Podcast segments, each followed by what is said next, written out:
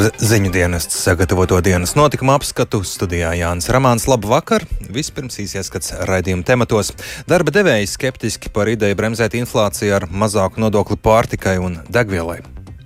Viņš var strādāt tikai tādā gadījumā, ja PVN samazināšana iet kopā arī ar vienošanos starp ražotājiem un tirgotājiem, ka viņi vairāk nenopelnīs, bet tiešām samazinās cenas. Un es vairāk esmu skeptisks Pēc Pelosi vizītes Taivānā Ķīna paziņo par sadarbības pārtraukšanu ar ASV vairākos jautājumos. Šāda uzvedība ir ļoti bīstama un provokatīva, kā arī apdraud mieru un stabilitāti reģionā. Un vēl Latvijā noslēdzas pašvaldības un dabas aizstāvju strīds par kādu liepu aleju.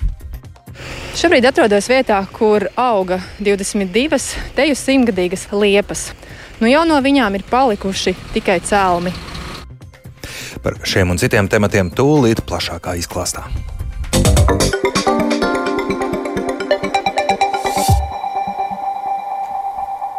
Ekonomikas ministrija tuvākajās nedēļās izvērtēs iespējas samazināt pievienotās vērtības nodokļu likmi svaigām zivīm, svaigai gaļai, maizei un piena produktiem.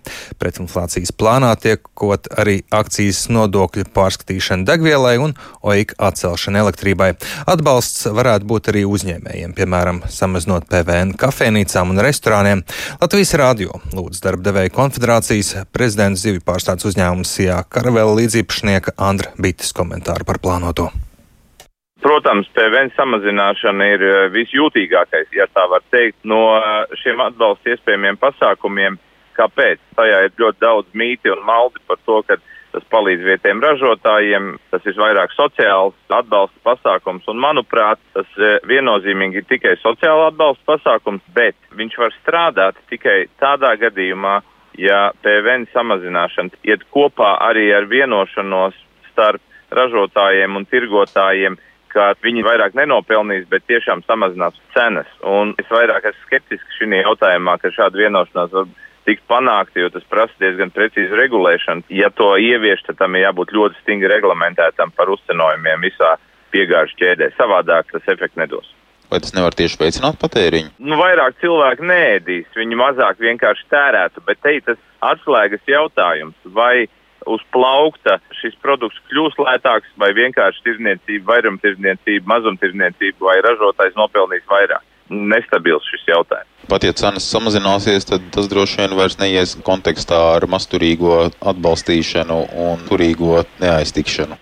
Jā, protams, es esmu daudz lielāks piekritējs idejai un metodei mērķētam atbalstam tiem, kuriem tas tik tiešām ir nepieciešams. Jo arī siltuma atbalstā vai energoresursu cenu atbalstā, es pieņemsim personīgi neuzskatu, ka man pienāktos šis atbalsts, jo pagaidām es pats par sevi finansiāli varu pietiekami labi parūpēties. Bet ir daudzi, kuriem tas ir nepieciešams. Tāpēc dot visiem neuzskatu, ka tas ir pareizākais un efektīvākais līdzekļu tērēšanas veids. Ir cita problēma, ka man ir tāda informācija vai aizdomas, ka valstī ir grūtības uh, sarēķināt ienākumus uz vienu maisaimniecības locekli, līdz ar to tāpēc uh, šī aritmētiskā problēma vai nesakārtotības sistēmas liek parasti dot visiem, bet nu, tas ir neefektīvs ceļš, kā tērēt mūsu pašu naudu vai aizņemt naudu. Tā darbdevēja konfederācijas prezidents Andris Bitte sarunā ar Edgars Kupču. Banku analītiķi prognozē, ka cenas jūlijā varētu būt kāpušas vēl vairāk un gada inflācija varētu sasniegt 21%. Svetbanka ekonomiste Laura Orleāna aprēķinājusi, ka mēneša laikā cenas varētu būt pieaugušas gandrīz par 2% salīdzinot ar jūnija mēnesi. Pārtiks cenas ar mājokli un transportu saistītās izmaksas joprojām ir galvenie inflācijas dzinēji.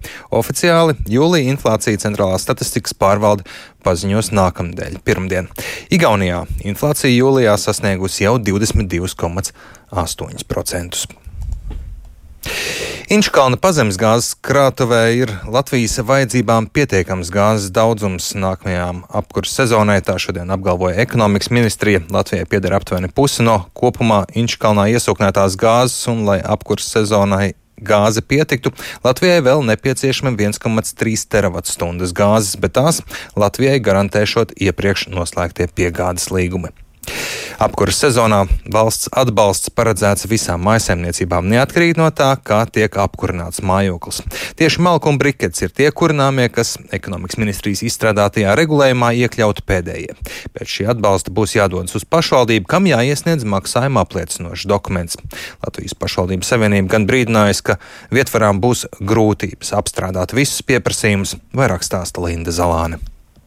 Ekonomikas ministrijā Latvijas radio noskaidroja, ka pagaidām ir grūti izteikt konkrētas prognozes, cik daudz maisaimniecību prasīs valsts atbalstu par malkas vai koksnes brikešu iegādi, bet provizoriski tie varētu būt ap 60 tūkstošiem pieteikumu mēnesī.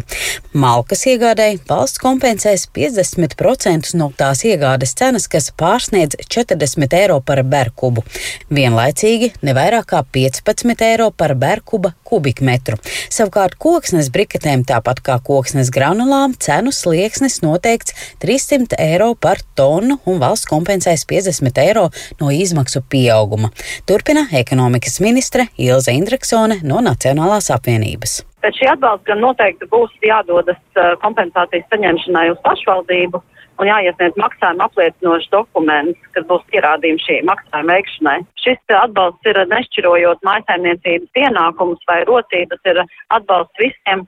Šī sadārdzinājuma apstākļos eh, mēs ļoti ceram palīdzēs lielai daļai maisaimniecību tikt galā ar saviem maksājumiem un nedoties pēc mājokļu pabalstu vai papildus atbalstu, protams, tiem, kam arī šis sadārdzinājums būs nepanesams un kuri nevarēs uh, apmaksāt rēķinus, protams, aicināsim doties pēc mājokļu pabalstu uz pašvaldības sociālo dienas. Ekonomikas ministrijā apzinās, ka nereti malku iedzīvotāji iegādājas maksājot skaidrā naudā par to nesaņemot čeku.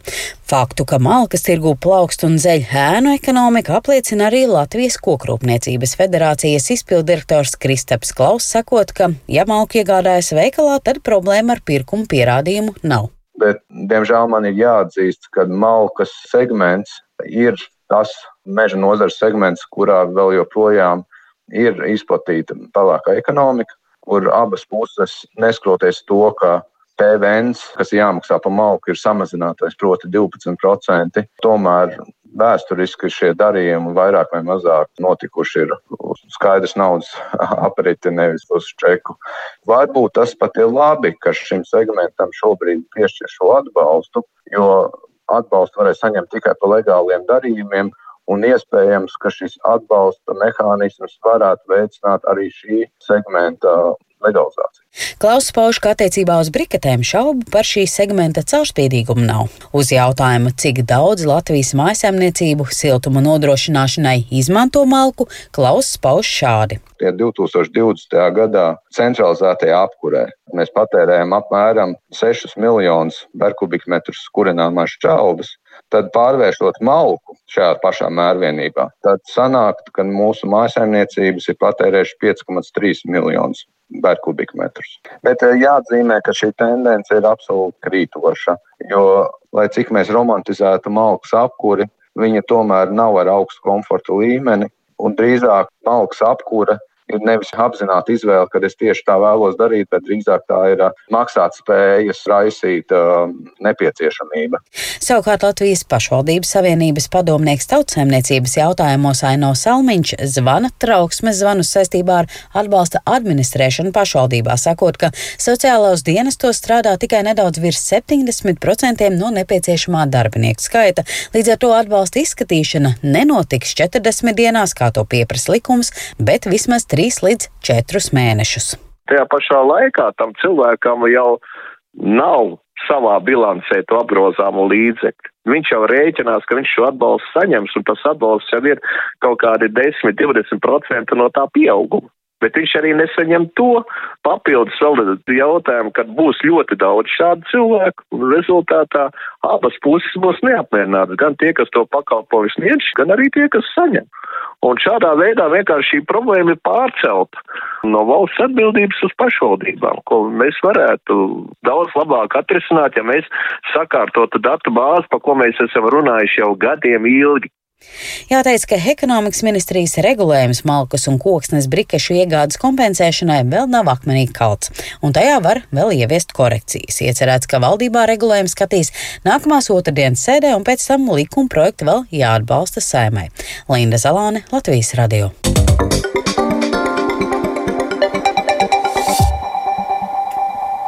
Latvijas vēstniecība Krievijā uz nenoteiktu laiku pārtraukusi vīzu pieteikumu pieņemšanu no Krievijas pilsoņiem, tā vēsta ziņo aģentūra Leta. Ārlietu ministrijā Latvijas radio šo informāciju gan neapstiprināja, solot to precizēt vēlāk. Kā ziņo Leta, vīzai var pieteikties vienīgi, ja ieceļošana Latvijā saistīta ar radinieku bērēm. Iepriekš Latvijas sniedz arī vīzas žurnālistiem, kas nevarēja turpināt darbu Krievijā. Latvijas radio gan vēstīja, ka valsts drošības dienests brīdinājis par riskiem, ka šādi žurnālisti var veidot sadarbību ar Krievijas izlūkdienestiem vai arī izplatīt dezinformāciju par Latviju. Situāciju par pārspīlētu šodien sarunā ar Latvijas radio nosauca Kaļina Timčenko portāla Medus galvenā redaktore. Меня никто не подозревает, простите. Давайте не будем передергивать. Я в Латвии 8 лет. Mani personīgi neviens netur aizdomās. Esmu labi zināma un šeit strādāju jau astoņus gadus. Drošības dienesti vienmēr būs satraukti, bet vēlreiz gribu atgādināt, ka ir likumi un ir demokrātiskās vērtības, tā skaitā vārda brīvība, par kuru mēs šeit cīnāmies. Atgādināšu, ka Putins iesāka tieši ar žurnālistu turēšanu aizdomās un viņu sāka apklusināt. Mums nevajadzētu iet Putina ceļu. Давайте не пойдем путем Путина. Ukrainai pārdzīvot šo ziemu bez starptautiskā valūtas fonda atbalsta būs grūti, un fondam būs jāpārliecina savi akcionāri, ka Ukrainas valdība spēs naudu atdot. Tā norāda Ukrainas nevalstiskā pētniecības organizācija Ekonomikas stratēģijas centrs. Tiek atzīmēts, ka līdz gada beigām Ukraina vēlas ar starptautisko valūtas fondu noslēgt jaunu programmu Standby līdz 20 miljārdu dolāru apmērā. Tas palīdzētu stabilizēt grivnas kursu, finansēt budžeta deficītu un daļai atgriezt ekonomiku līdz pirmskara rādītājiem. Pēc dažādām aplēsēm nepieciešamība finansēt valsts budžeta deficītu sasniedz aptuveni 5 miljardus dolāru mēnesī. Kopš kara sākuma ārvalstu palīdzība spējusi sekt tikai pusi no šīs summas. Turpina Rihards Plūme. Kā norādījis organizācijas ekonomikas stratēģijas centra vadītājs Glebs Višlīnskis, lai par programmu panāktu vienošanos starptautiskajiem valūtas fondam, vispirms būs jāizvērtē valsts parāda sloga līmenis. Un izvērtējumā jāņem vērā pašreizējo un prognozēto ekonomikas apjomu, kas pašreiz notiekošā kara dēļ nav saprotams. Bez tā fondam būs grūti pierādīt saviem akcionāriem, ka Ukraina naudu spēs atmaksāt. Viņš uzsver, ka jebkurā gadījumā izņemot fondu, Ukrainai nav kur iegūt nepieciešamo finansējumu finansējumu ziemai un pavasarim. Pēc Višlīnska domām šī programma ir svarīga, un gan Ukrainai, gan fondam un tā galvenajiem akcionāriem būtu jāpieliek pūles, lai iedarbinātu to pēc iespējas ātrāk. Krievija paziņo, ka ir gatava ar ASV prezidentu līmenī apspriest ieslodzīto apmaiņu. Tas izskanējis dienu pēc tam, kad Krievijas tiesa piesprieda ASV basketbolistei Britnijai Greinerei deviņu gadu cietumsodu atzīstot viņu par vainīgu narkotiku kontrabandā. Turpina Rihards Plūme. Baltais nams mudinājis Krieviju pieņemt tās piedāvāto vienošanos par basketbolistes Britnijas Graineres un bijušā ASV jūras kainieka Pola Vīlana atbrīvošanu, kuram tika piespriests 16 gadu cietumsots saistībā ar apsūdzībām spiegošanā. Krievijas ārlietu ministrs Sergejs Lavrovs piekdien paziņoja, ka Maskava vēlas apspriest šo jautājumu, bet ar nosacījumu, ka tas notiek tikai Kremļa un Baltā nama saimnieku starpā. Lavrovs apliecināja, ka saziņas kanāls starp abu valstu vadītājiem joprojām darbojas. ASV valsts sekretārs Antonijs Blinkens, kurš pagājušajā piekdienā runāja ar Lavrovu par apmaiņu, sacīja, ka Vašingtona turpinās sarunas ar Krieviju. Ķīna paziņojusi, ka atceļ vairākas aizsardzības sanāksmes un aptur klimata sarunas ar Amerikas Savienotajām valstīm. Pekina ar šādu paziņojumu nāca klajā pēc tam, kad Taivānā šodien vizītē ieradās Savienoto valstu pārstāvju palātas spīkere Nancy Pelosi. Ķīna arī paziņojusi, ka noteiks vēl neprecizētas sankcijas Pelosi un viņas ģimenei. Pekina uz pārstāvju palātas spīkeres vizīti reaģēja ar militārām mācībām, kas pie Taivānas krastiem joprojām turpinās, un vakar Ķīna raidīja arī vairākas balvas balistiskās raķetes Taivānas salai apkārt esošos ūdeņos. Šo tēmu turpina Rihards Plūme. Ķīnas ārlietu ministrija piekdien paziņoja, ka aptur sadarbību ar Vašingtonu nelegālo migrantu repatriācijas, tiesiskās palīdzības un starptautiskās noziedzības, kā arī narkotiku apkarošanas jomā. Tāpat Pekina apturēs Ķīnas un ASV sarunas par klimata pārmaiņām. Ķīna un ASV ir divas lielākās oglekļa emisiju radītājas pasaulē. Pekina arī apturēs plānotās militāro amatpersonu sarunas, kā arī divas drošības sanāksmes. Ārlietu ministrija arī paziņoja par sankcijām pret ASV pārstāvju palātas spīkeri ministri Nensiju Pelosī. Ministrijas ieskatā Pelosī ar vizīti Taivānā nopietni iejaucas Ķīnas iekšējās lietās un nopietni grauj Ķīnas suverenitāti un teritoriālo integritāti. Tādēļ Pekina noteiks sankcijas Pelosī un viņas ģimenei. Tieši par kādām sankcijām ir runa, gan nav zināms. I begin by thanking our distinguished ambassador Rami Manuel. Pārstāvju palātas spīkera Nancija Pelosī noslēdzot savu Āzijas vizīšu tūri, preses konferencē Japānā šodien uzsvēra, ka Ķīnai neizdosies izolēt Taivānu, cenšoties nepieļaut, lai turp dodas ASV amatpersonas. Tikmēr apgalvojumus, ka viņas vizīte eskalējusi spriedzi reģionā, Pelosī raksturoja kā smieklīgus that our representation here is not about changing the status quo. Mēs jau no paša sākuma esam teikuši, ka mūsu pārstāvniecība šeit nav saistīta ar status quo maiņu Āzijā, Taivānas status quo mainīšanu. Ķīnieši ir mēģinājuši izolēt Taivānu. Viņi neizolēs Taivānu, liedzot mums tur ceļot. Mums ir bijušas augsta līmeņa vizītes, pavasarī tur viesojās senatori, abas partijas. Vizītes ir nepārtrauktas, un mēs neļausim viņiem izolēt Taivānu and we will not allow them to isolate Taiwan. Reaģējot uz Pelosī vizīti, Ķīna turpina militāros manevrus Taivānas tūmā un tie ilgs līdz svētdienai.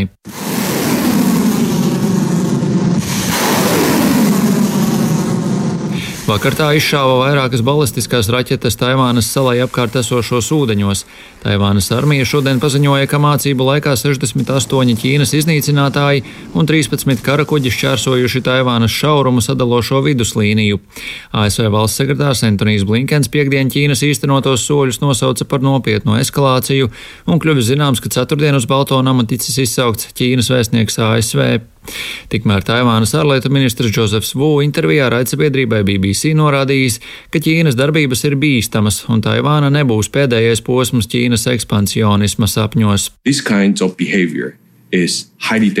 Šāda uzvedība ir ļoti bīstama un provokatīva, kā arī apdraud mieru un stabilitāti reģionā. Tas arī kaitē starptautiskajai tirdzniecībai un pārvadājumiem. Tas, ko Ķīnas valdība dara, ir ekspansionisms. Paskatieties uz viņu uzvedību Hongkongā vai darbībām Austrumķīnas un Dienvidķīnas jūrā. Var pateikt, ka tas ir tipisks autoritāras valsts ekspansionisms. Tādēļ starptautiskajai sabiedrībai, īpaši valstīm šajā reģionā, ir uzmanīgi jāvēro, ko Ķīna dara. Un Taivāna nebūs būs pēdējais Ķīnas ekspansionisma sapņa posms. Taivāna vēsta, ka pieaudzis kiberuzbrukumu skaits tās oficiālajām vietnēm. Uzbrukumu mērķu vidū ir piemēram aizsardzības ministrija, Taivānas prezidenta biroja vietne un vidas aizsardzības birojas. Savukārt sociālajos medijos un ķīniešu valodas plašsaziņas līdzekļos izplatās arvien vairāk maldinošas informācijas. Visbeidzot, Taivānā veiktā aptaujā secināts, ka lielākā daļa taivāniešu nav pārliecināti, ka Amerikas Savienotās valstis palīdzēs aizsargāt salu, ja tas būs nepieciešams. Rihards Plūme, Latvijas radio. Pelosī raidītais žests atkal iesaldēs Ķīnas un ASV attiecības, kurās bija novērojams neliels atkusnes pēc G20 samita. Tā vērtē politoloģija Rīgas Stradiņa Universitātes Ķīnas studiju centra vadītāja un Aleksandra Bērziņa Čerenkova. 中国军队说话是算数的，Ķīnas armijas vārdi skaitās, vai arī nav tukši vārdi kā gribās tā var tulkot šo Ķīnas aizsardzības ministrijas Taņa Kafeja runas vīra frāzi, bet katrā ziņā tās jēga ir skaidra. Proti, mēs nesēdēsim rokas klēpī salikuši, kamēr Nancy Pelosi apmeklē Taivānu. Un tik tiešām mācības ir atsākušās Taivānai. Pāri lido Ķīnas kara lidmašīnas ar raķetēm bruņotas. Šīs mācības ir radījušas satraukumu arī Japānas premjerministram, pie kura arī viesojās Pelosi Fumio Kishidam, kurš ir lūdzis un prasījis Ķīnai pārtraukt šīs mācības, jo tās radot apdraudējumu visam reģionam. Vai tas nozīmē, ka Ķīna pārtrauks mācības? Nē, bet tajā pašā laikā vai tas nozīmē, ka iebrukums Taivānā ir sagaidāms šo mācību rezultātā? Tagad arī visdrīzāk nē, jo ārkārtīgi augsta tāda demonstratīva vērtība ir šīm mācībām. Bet vai tas arī nozīmē, ka mācības beigsies un viss atgriezīsies normālās, ikdienišķās sliedēs? Arī nē. Tas, ko mēs sagaidām no Ķīnas, ir turpināt īstenot spiedienu uz Taivānu ar pārlidojumiem, ar hibrīd metodēm, ar kibermetodēm un arī ar kuģošanu tuvu Taivānai šaurumā. Tātad šis spiediens pieaugs.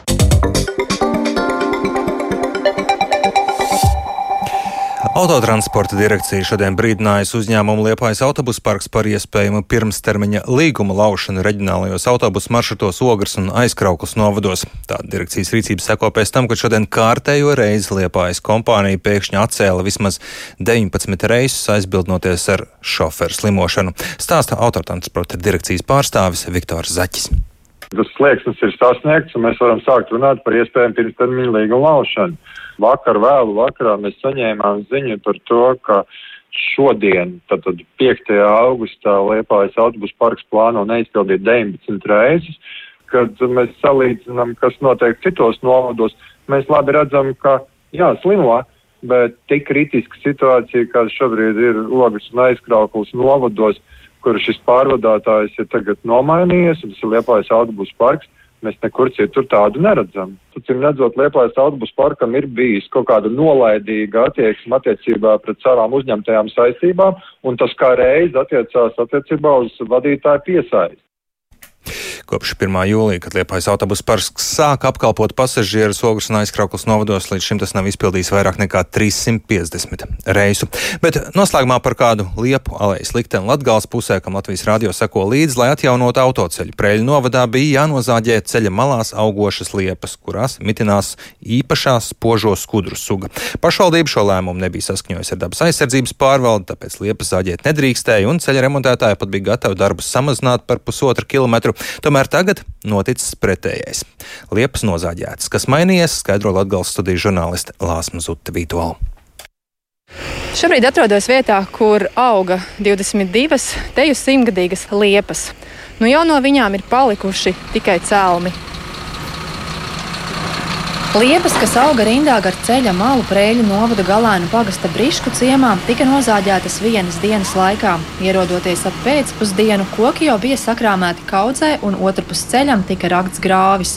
Prēļu novada pašvaldība deva tomēr atļauju liepu rindu nozāģēt, lai gan vēl jūlijas sākumā to darīt neatļāva, balstoties uz dabas aizsardzības pārvaldes atzinumu, jo uz diviem kokiem tika atrastas īpaši aizsargājamās sugas spožās skudras atradnes. Turpinājumā teiktais no Prēļa novada pašvaldības pirms trim nedēļām. Pārvaldes atzinumā ir rakstīts, ka tātad šīs visas, visa liepu rinda tiek noteikta kā skudru dzīvotne, un attiecīgi nebūtu pieļaujama visas koku rindas nociršana. Taču tagad, kā skaidro Prēļa novada pašvaldības attīstības investīciju un inženieru tehniskās daļas vadītāja Iveta Pīziča, situācija ir mainījusies. Dabas aizsardzības pārvalde raksta savā lēmumā, ka tā ir salīdzinoši plaši izplatīta suga, pieņēma lēmumu un izdeva atļauju šīs divas liepas nocirst. Jautājot dabas aizsardzības pārvaldei, kādēļ ir dota šāda atļauja, lai gan sākotnēji atzinumā teikts, ka nebūtu pieļaujama situācija, ka koki tiek nocirsti, atbildes sniedz pārvaldes dabas aizsardzības departamenta direktore Gita Strode tā koku aleja ir vērtīga gan bioloģiski, gan ainaviski. Pašvaldība jau bija pieņēmusi lēmumu par viņas likvidāciju. Mums vairs nav jēgas divu koku dēļ. Tad mēs varētu aizliegt nocirst divus kokus un pārējos tāpat varētu atļaut, kas nav nekāds risinājums. Ne tas saglabā aleju, ne tas ļauj rekonstruēt ceļu. Tas ir ne šis, ne tas. Dabas aizsardzības pārvaldes atļaujā ir nosacījums, ka nocirstās koku rindas vietā ir jāiestāda jauna, kas atradīsies ārpus ceļa nodalījuma vietas. Pašvaldība to ir apņēmusies izdarīt šajā rudenī. Lāsma Zuta Vīto Latvijas radio studija Latgalē. Un arī Prēļu novada Upmals pagastā iecerēts nosirst 56 kokus alejā gar kādu ceļu, pret to iebilst dabas aizsardzības pārvalde. Kokus grib cirst kāda fiziska persona, lai paplašinātu lauksaimniecības zemi un ceļu, un nākamā trešdiena pašvaldība lēmusi rīkot vietējo publisko apspriedu par šo jautājumu.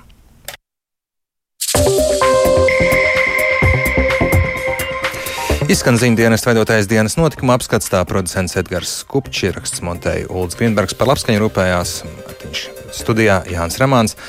Īs vēl par svarīgāko. Darba devēji skeptiski ir par ideju bremzēt inflāciju ar mazāku nodokli pārtikai un degvielai. Pēc Pelosī vizītes Taivānā Ķīna paziņojusi par sadarbības pārtraukšanu ar ASV vairākos jautājumos, un Latvijā noslēdzies pašvaldības un dabas aizstāvju strīds par kādu liepu aleju, koki nozāģēti. Mūsu ziņām varat sekot līdzi arī Latvijas Radio 1 Facebook lapā vai arī sabiedriskā mediju ziņu portālā LSMLV. Yeah.